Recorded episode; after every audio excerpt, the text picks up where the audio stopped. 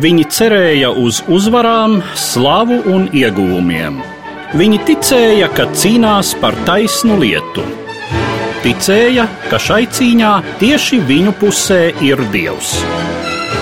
Viņi iemantoja izpostītus novadus un sakropļotas miesas, sāpes, vilšanos, nāvi. Viņi, Eiropieši, pirms simts gadiem. Lielais vēstures pagrieziens, Pirmais pasaules karš. Sarunās ar Eduāru Liniņu raidījumu ciklā Pirms simts gadiem Eiropā.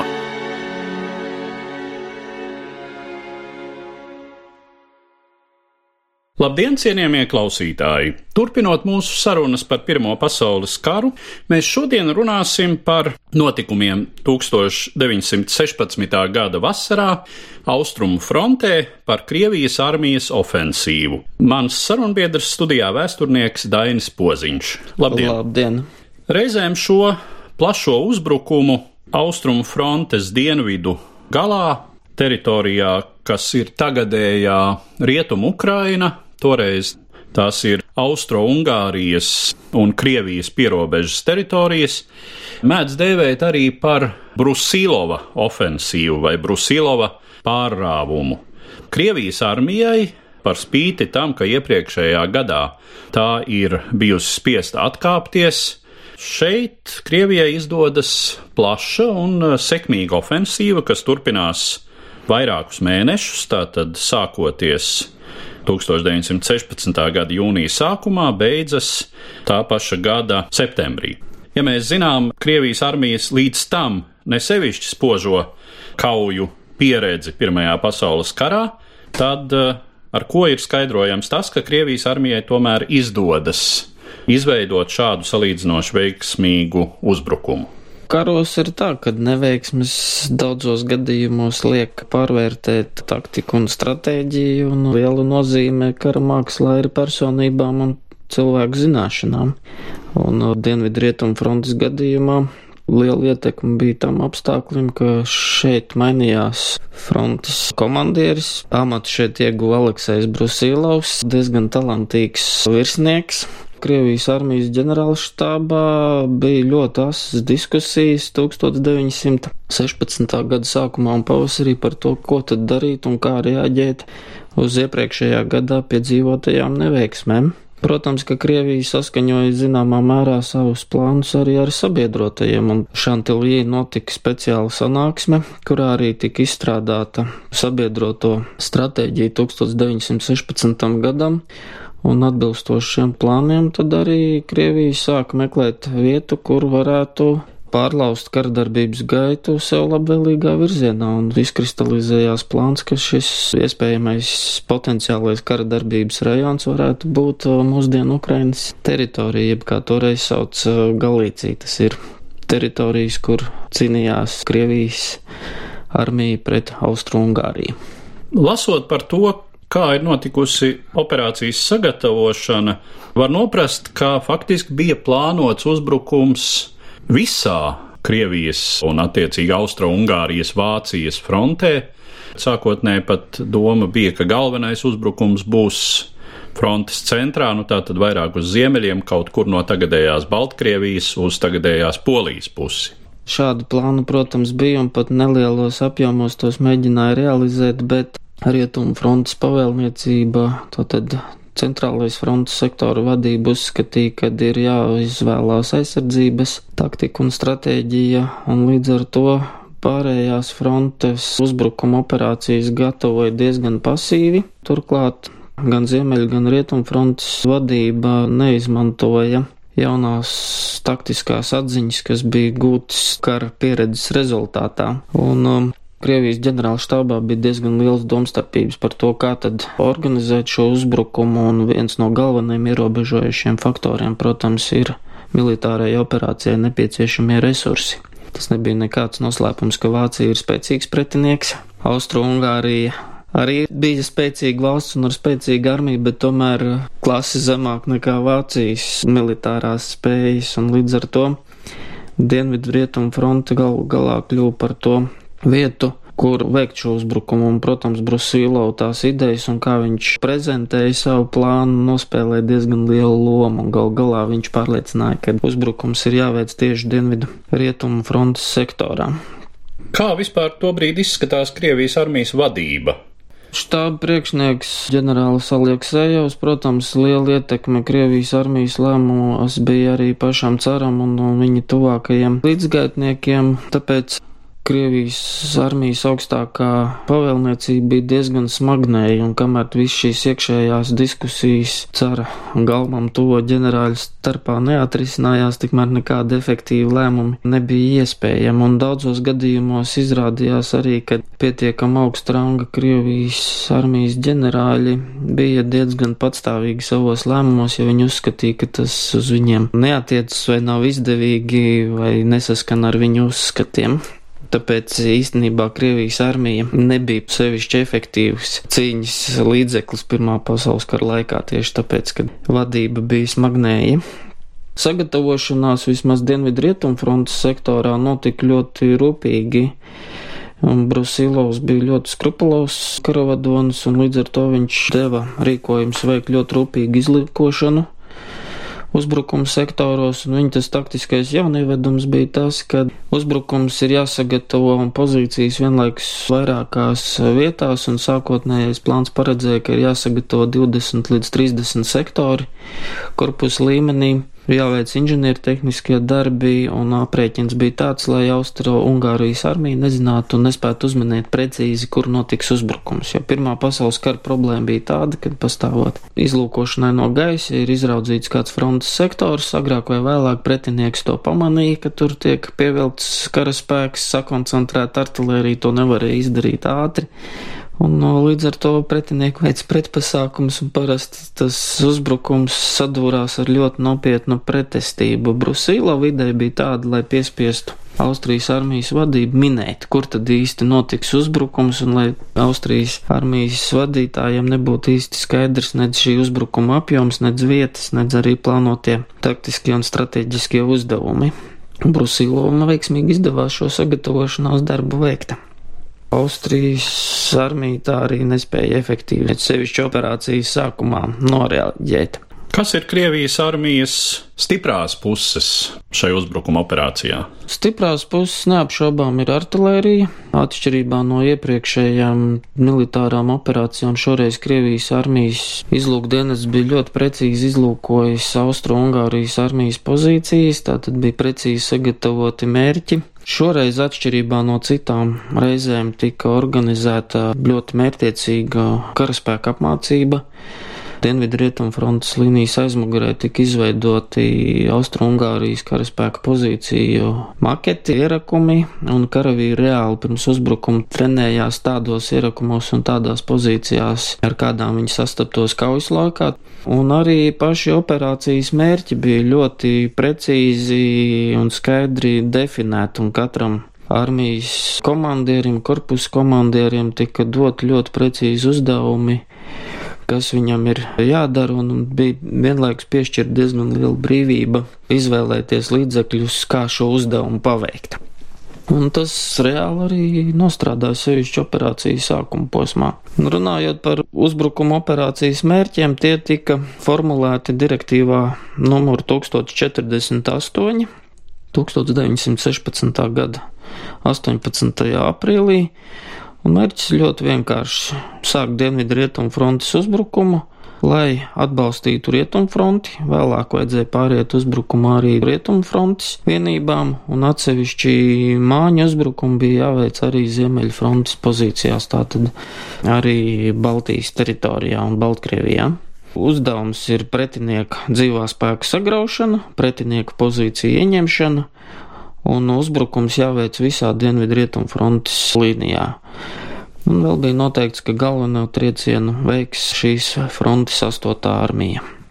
Un rezultātā arī šī direktīva tika diezgan precīzi izpildīta. Sagatavošanas darba procesā 1916. gada pavasarī Dienvidu rietumu frontē Krievijas armijas sapieri sāka veidot ierakumu līniju tā, lai pievirzītu tranšējas maksimāli tuvu austriešu pozīcijām un dažos frontes sektoros ierakumi atradās tikai 60-70 metru attālumā no pretinieka tranšējām.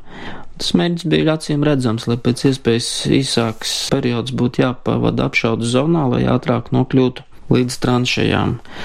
Un vēl viens būtisks faktors Dienvidu rietumu frontē tika koncentrēti diezgan ievērojami Krievijas armijas spēki. Dienvidu rietumu frontē Krievijas rīcībā bija 8., 11., 7. un 9. armija kas kopumā ietvēra 534 tūkstošus karavīru apmēram. Austrungārijas pusē bija apmēram 448 tūkstoši karavīru.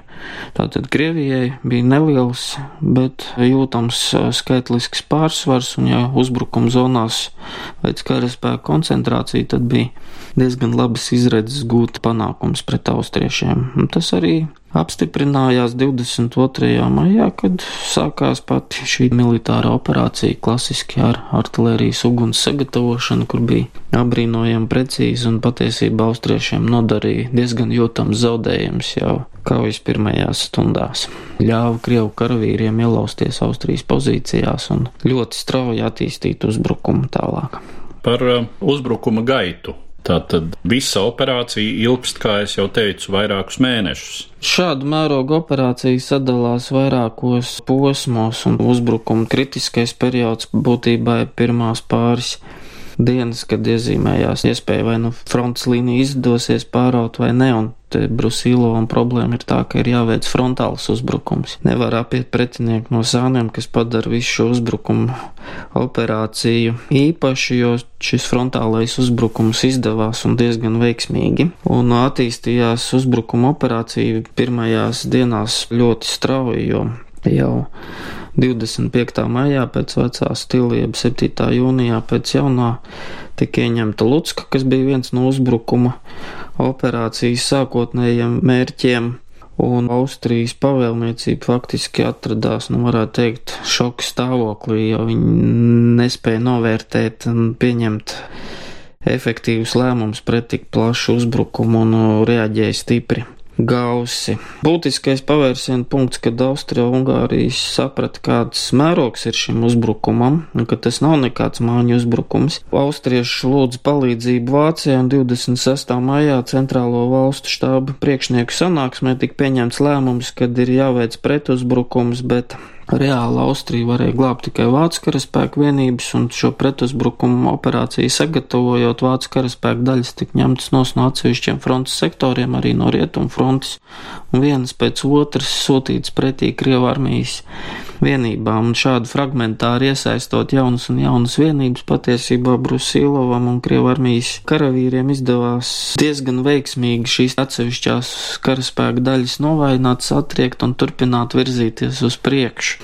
Tā kā tas 3. jūnija pretuzbrukums, ko veica Vācija un Austrungārija, nobremzēja Brusīlo virzīšanos uz priekšu, bet tas nespēja apturēt Krievu armijas panākumus. Un 15. jūlijā pēc pārgrupēšanās Krievu armija atjaunoja uzbrukuma operāciju, bet jūnija, jūlija kaujās pamazām operācijas temps kritās, un te atklājās Krievu armijas centrālās vadības smagnējums, jo Dienvidu rietumu fronte nesaņēma nepieciešamo palīdzību no rietumu frontes karaspēka tur fronte atradās diezgan pasīvā aizsardzības pozīcijā, un līdz ar to temps tika zaudēts, un faktiski Brusīla uzbrukums un panākumu nepārsniedz vienas frontes robežu. To neizdevās pārvērst par strateģisku pavērsienu punktu visā 1916. gada kampaņā.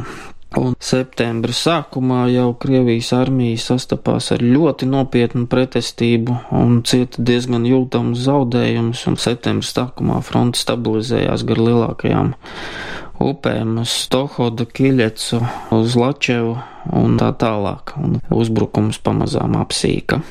Jautājums par šo pārējo fronšu darbību.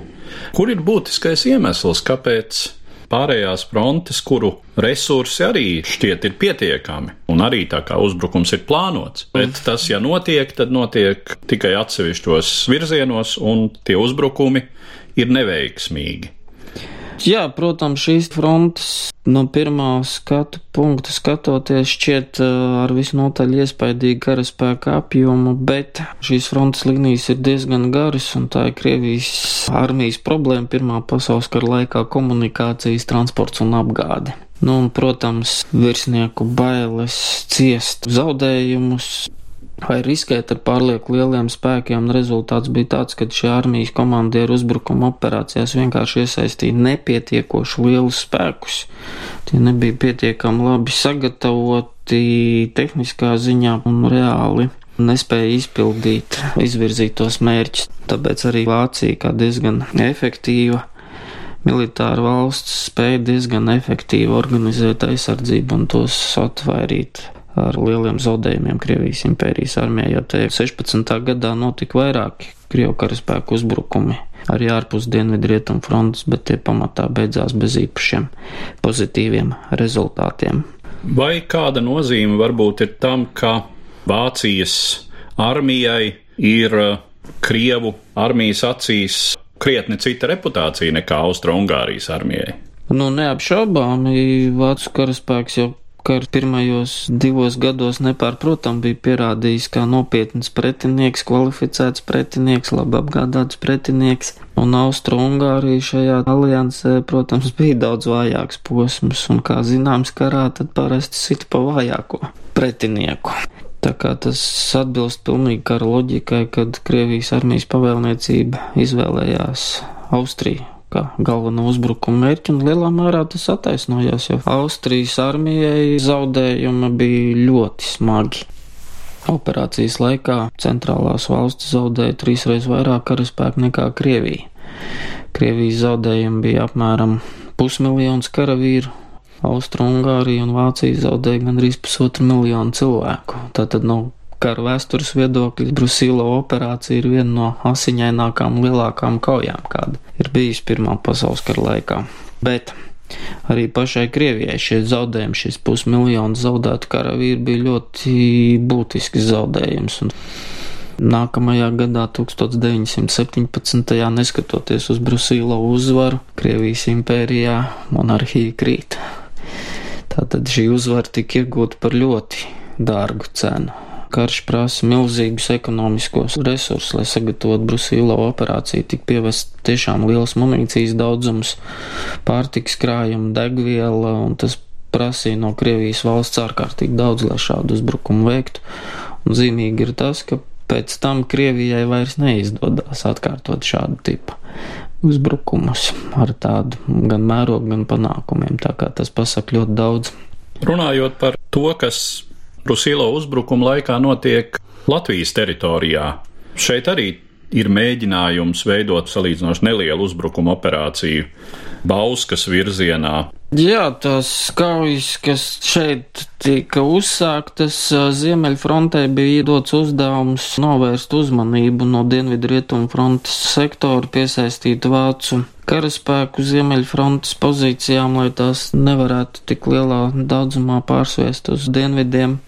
Bet mēs jau no vēstures zinām, ka šīs 16. gada kaujas bija lokāla mēroga un nu, Krievijas ziemeļfronte nespēja pāraut Vācijas pozīcijas pietiekami lielā apjomā, lai vispār pat domātu par tošanos Bauskai. Tur bija ļoti tālu līdz tam, lai aizsniegtu izvirsītos mērķus. Nu, un līdzīgas operācijas notika arī Baltkrievijas teritorijā jau 16. gada martā Krievija mēģināja veikt diezgan plašu uzbrukumu pirms Brusīlo uzbrukuma Naročas ezera rajonā, kas faktiski izvērsās Krievijai par militāru katastrofu, jo zaudējumi bija piecreiz lielāki nekā Vācu karaspēka rindās. Tā kā Šādas lokālas uzbrukuma operācijas organizēja vairākās vietās, gan Ziemeļfrontē, gan Rietumfrontē, bet būtisku iespaidu uz militāro situāciju vai uz status quo šajā rajonā. Šie uzbrukumi neatstāja pozīcijas, palika tajās pašās vietās, kur kaujas sākumā atšķirībā no dienvidu rietumu frontes. Tāpēc arī sevišķi padomju vēstures literatūrā Brusīlo uzbrukumam tiek pievērsta ārkārtīgi liela nozīme, un šo uzbrukumu operāciju sāka dēvēt par Brusīlo uzbrukumu nedaudz vēlāk, jau tad, kad šie panākumi bija skaidri formulēti. Varētu teikt, zināmā mērā likteņa ironija ir tāda, ka Brusīlova izmantotos taktiskos paņēmienus daļēji pārņēma Vācu armiju un izmantoja, nosaucot to par iefiltrēšanās taktiku, un vēlāk diezgan sekmīgi izmantoja rietumu frontē pret rietumu sabiedrotiem. Savukārt pārējie Krievu armijas ģenerāļi apbrīnojamā kārtā noignorēja diezgan veiksmīgu taktisku risinājumu, kurš deva reāli pozitīvu rezultātu, bet reāli Krievu armijas citās frontēs šo taktiku nepārņēma, un tāpēc Brusilo uzbrukuma operācija tāda saudabīga parādība Krievijas impērijas militārajā vēsturē. Jā, ja mēs konkrēti formulējam, kāds ir Brusilova militārās taktikas novatorisms? Novatorisms ir tas, ka Viņš izveido speciāli sagatavotas triecienu vienības. Šīs triecienu vienības ir sagatavotas taktiskā ziņā nepazīstinātas ar pretinieku pozīciju konstrukciju, ir savākti pietiekami daudz uguns atbalsta ieroči, un uzbrukuma laikā karaspēks kaimieki saņem tieši artilērijas atbalstu.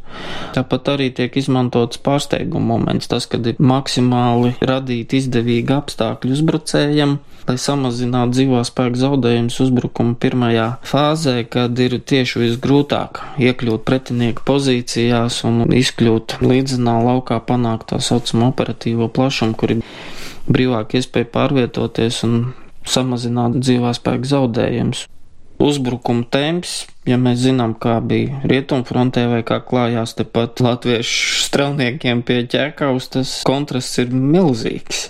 Reāli īsā laikā pa 20, 30 km, 70, 80 km platā joslā pāraut pretinieku pozīcijas, tas patiešām bija izcils panākums no taktiskā viedokļa. Bet tādā lielā operācijā ir svarīgi ne tikai tas, kā tu iesāc šo uzbrukumu, bet kā tas attīstās tālāk un vai pietiek resursu šo uzbrukumu izvērst maksimāli plaši un uzbrukums apsīk būtībā tāpēc, ka Dienvidrietumu frontē beidzās resursi, jo zaudējumi pamazām pieaug, pretinieks pārgrupējās un operācijas temps pamazām samazinās, munīcijas krājumi izsīkst, transports atpaliek, ievainoto pārtiks apgādes problēmas un uzbrukuma operācija pamazām, pamazām apsīka. Un, protams, uzbrukuma rezultātā Austrija tika novājināta būtiski, bet ne sakauta pilnīgi. Savukārt ietekme uz Vācijas armiju ir minimāla, Vācija absolūti nezaudēja spējas turpināt karu. Tā kā lielās līnijās runājot, būtisku pavērsienu šis uzbrukums Krievijas labā nedēva. Kāds ir šī Krievijas uzbrukuma iespējas uz notikumiem citur Pirmā pasaules kara frontē? efekts bija redzams tūlīt un acīm redzami Brusīlova operācijas panākuma ietekmē. Rumānija nolēma iestāties karā Antantas pusē un 14. augustā pieteica karu.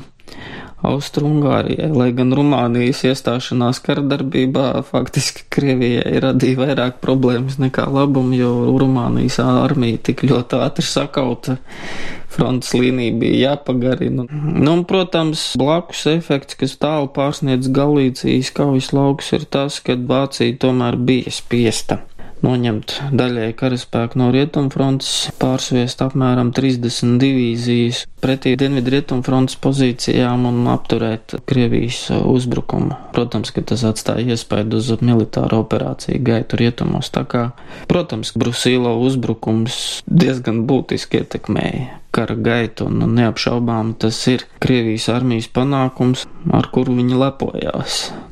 Bet runājot par tālākajām konsekvencēm, jūs jau arī pieminējāt šo nākamā gadā notikušo Krievijas impērijas sabrukumu. Nu, kā zināms, arī Austro-Ungārijas impērija nepārdzīvo Pirmā pasaules kara beigas. Cik lielā mērā mēs varam teikt, ka tie zaudējumi tieši 1916. gada kaujās ir būtisks iemesls, kāpēc šīs valstis piemeklē tāds liktenis? Vairāk vēsturnieki diezgan pamatot uzskata, ka Krievijas impērijas gadījumā 16. gadā ciestie zaudējumi un aizmugurē acīm redzamās ekonomiskās grūtības ir viens no faktoriem, kas veicina iekšpolitisko krīzi Un tas, ka Krievijas armija zaudē kvalificētus vidēji un zemākā līmeņa virsniekus tik lielā apjomā, kad ir tik lieli šie dzīvā spēka zaudējumi, ka tas atstāja ļoti lielu iespaidu uz to, kas notiek Krievijas impērijā. Un tas, ka šis Brusīlo uzbrukums, lai arī tiek slavēts un militāri tādā šaurākā griezumā skatoties, ir panākums. No nu, tad plašāk redzes viedokļa, no impērijas izdzīvošanas viedokļa šis panākums tik gūts par ļoti dārgu cenu, un Krievijas impērija kā valsts vairs nespēja ieguldīt karadarbībā tik daudz resursus, lai gūtu militārus panākumus, lai turpinātu šādu mērogu operācijas, un iekšpolitiski ir destabilizēta tik lielā mērā, ka šai militārajai uzvarai vairs nav nekādas būtiskās jēgas, jo impērija sāk burtiski drupt un brukt. Šī gadījuma varētu formulēt kā pirra uzvaru. Loģisks jautājums. Tāpat 16. gadā ļoti smagus zaudējumus taču cieš arī Francija un Lielbritānija rietumu frontē. Tur arī ir simti tūkstošu kritušo tajā pašā laikā tur nav pat būtisku teritoriālu ieguvumu. Tomēr šīs valstis izrādās pietiekami stabilas. Krievija un Francija un Lielbritānija iekšpolitiski ļoti dramatiski atšķirās ar to, ka Krievijas imperatoram bija šaura varas bāze. Un Krievijas gadījumā jebkuru armijas neveiksmi personificēja ar caru, ar uh, viņa ģimeni, ar viņam tuvumā esošiem ģenerāļiem ar mužnieku kārtas augšējo slāni. Lielbritānijas un Francijas gadījumā šī varas bāze bija plašāka, un tur liela nozīme bija tam, kā rūpnieku uzņēmēji, banķieri, inteliģenti aprindas reaģē uz šīm sakāvēm, un tā sabiedrības konsolidācija Francijā un Lielbritānijā bija krietni augstāka, un līdz ar to šie milzīgie zaudējumi nespēja destabilizēt iekšpolitiski. Jā, protams, tur bija problēmas arī karavīri. Franču armijā daudzos gadījumos bija neapmierināti un bija pat bezmaz dumpja gadījumi, kad atteicās iet uzbrukuma operācijās, bet tas nekad nesasniedz tādus apjomus, kā tas bija Krievijas impērijā vai tai pašā Austrungārijas impērijā, jo Brusīlo uzbrukums Austrungārijai nodarīja milzīgus zaudējumus. Un uh, monarham ir ārkārtīgi grūti paskaidrot, ja tev viss rāda ar pirkstu un saka, tu esi valsts vadītājs, tu esi atbildīgs par visām nepatikšanām, ko tad solīja uzvars un panākums, bet kas mums te sanāk? Protams, Tā situācija ir spilgta ilustrācija. Kā atšķiras sabiedrības konsolidācija pilsoniskā iesaistītība un kādu tas atstāja attiecīgi. Un, protams, uz, uz industrializācijas valstīm. līmenis. Pirmais pasaules karš ir uh, novājināšanas karš un vispirms resursu karš. Un tas nav noslēpums, ka reāli uzvarēja nevis tā pusi, kur labāk karoja vai cieta mazāk zaudējums, bet tā, kur uh, bija pietiekami biestas resursu un dzīvā spēku daudzums, lai kompensētu ciestos zaudējumus, jo Vācu armija patiesībā karoja ļoti labi bet viņi vienalga zaudēja karu, tāpēc, ka pietrūka elementāra resursa, lai gūtu uzvaru. Un Krievijas gadījumā, lai arī Krievija bija liela valsts un rūpniecība bija diezgan spēcīga, tomēr ņemot vērā šo milzīgu plašo fronti, milzīgu lielo cilvēku daudzumu, kas bija jāapģērb, jāapgādā, jāapbruņo, šīs Krievijas rūpniecības potenciāls bija pārāk vājš tik lielai valstī un tik nopietnam pasākumam, un tas, ka tu sāc ciest lielus zaudējumus un rūpniecība reaģēja lēni, protams, Krievija būtiski kāpināja bruņojumu tehnikas ražošanu faktiski 16 2015. gadā Krievijas industrija bija pārkārtot uz militārām sliedēm, un tas bruņojuma ražošanas apjoms pieaug ļoti būtiski, ļoti lielos apjomos, un arī kvalitāte un pilnveidot, bet tas bija daudz par vēlu. Pirmā pasaules kara laikā problēmas ir visiem. Vācija ir tieši tādas pašas problēmas, jo industrija sākumā arī nedz viens armijas ģenerālis nekad nebija paredzējis, ka būs nepieciešams tik daudz resursu un tik smagam un asiņainam karam, bet rūpnieciski attīstītās valstis, modernāka rūpniecība, modernāka sabiedrība pārkārtojās daudz ātrāk, efektīvāk un spēja šos zaudējumus 15. 16. gadā šīs problēmas atrisināt un pārdzīvot šo karu. Savukārt vājākās impērijas, Austro-Ungārija, Krievija, Turcija vai Antantis jaunpienācēji, tādi kā Rumānija, kuras bija industriāli vāji sagatavotas tik lielu mēram karam, piedzīvoja fiasko. Ja nav resursu, tad ilgstošu kardarbību valsts nevar izturēt. Šādu tipu karā. Ar tādu secinājumu mēs arī tad varētu noslēgt mūsu šodienas raidījumu, kas bija veltīts Krievijas armijas ofensīvai 1916. gada vasarā, un es saku paldies manam sarunbiedram, vēsturniekam Dainim Poziņam. Paldies par uzmanību! Ticība un cerības, vilšanās un nāve, zaudējumi un ieguvumi pirms simts gadiem Eiropā. Raidījumā šīs dienas acīm sarunājamies par Pirmo pasaules karu.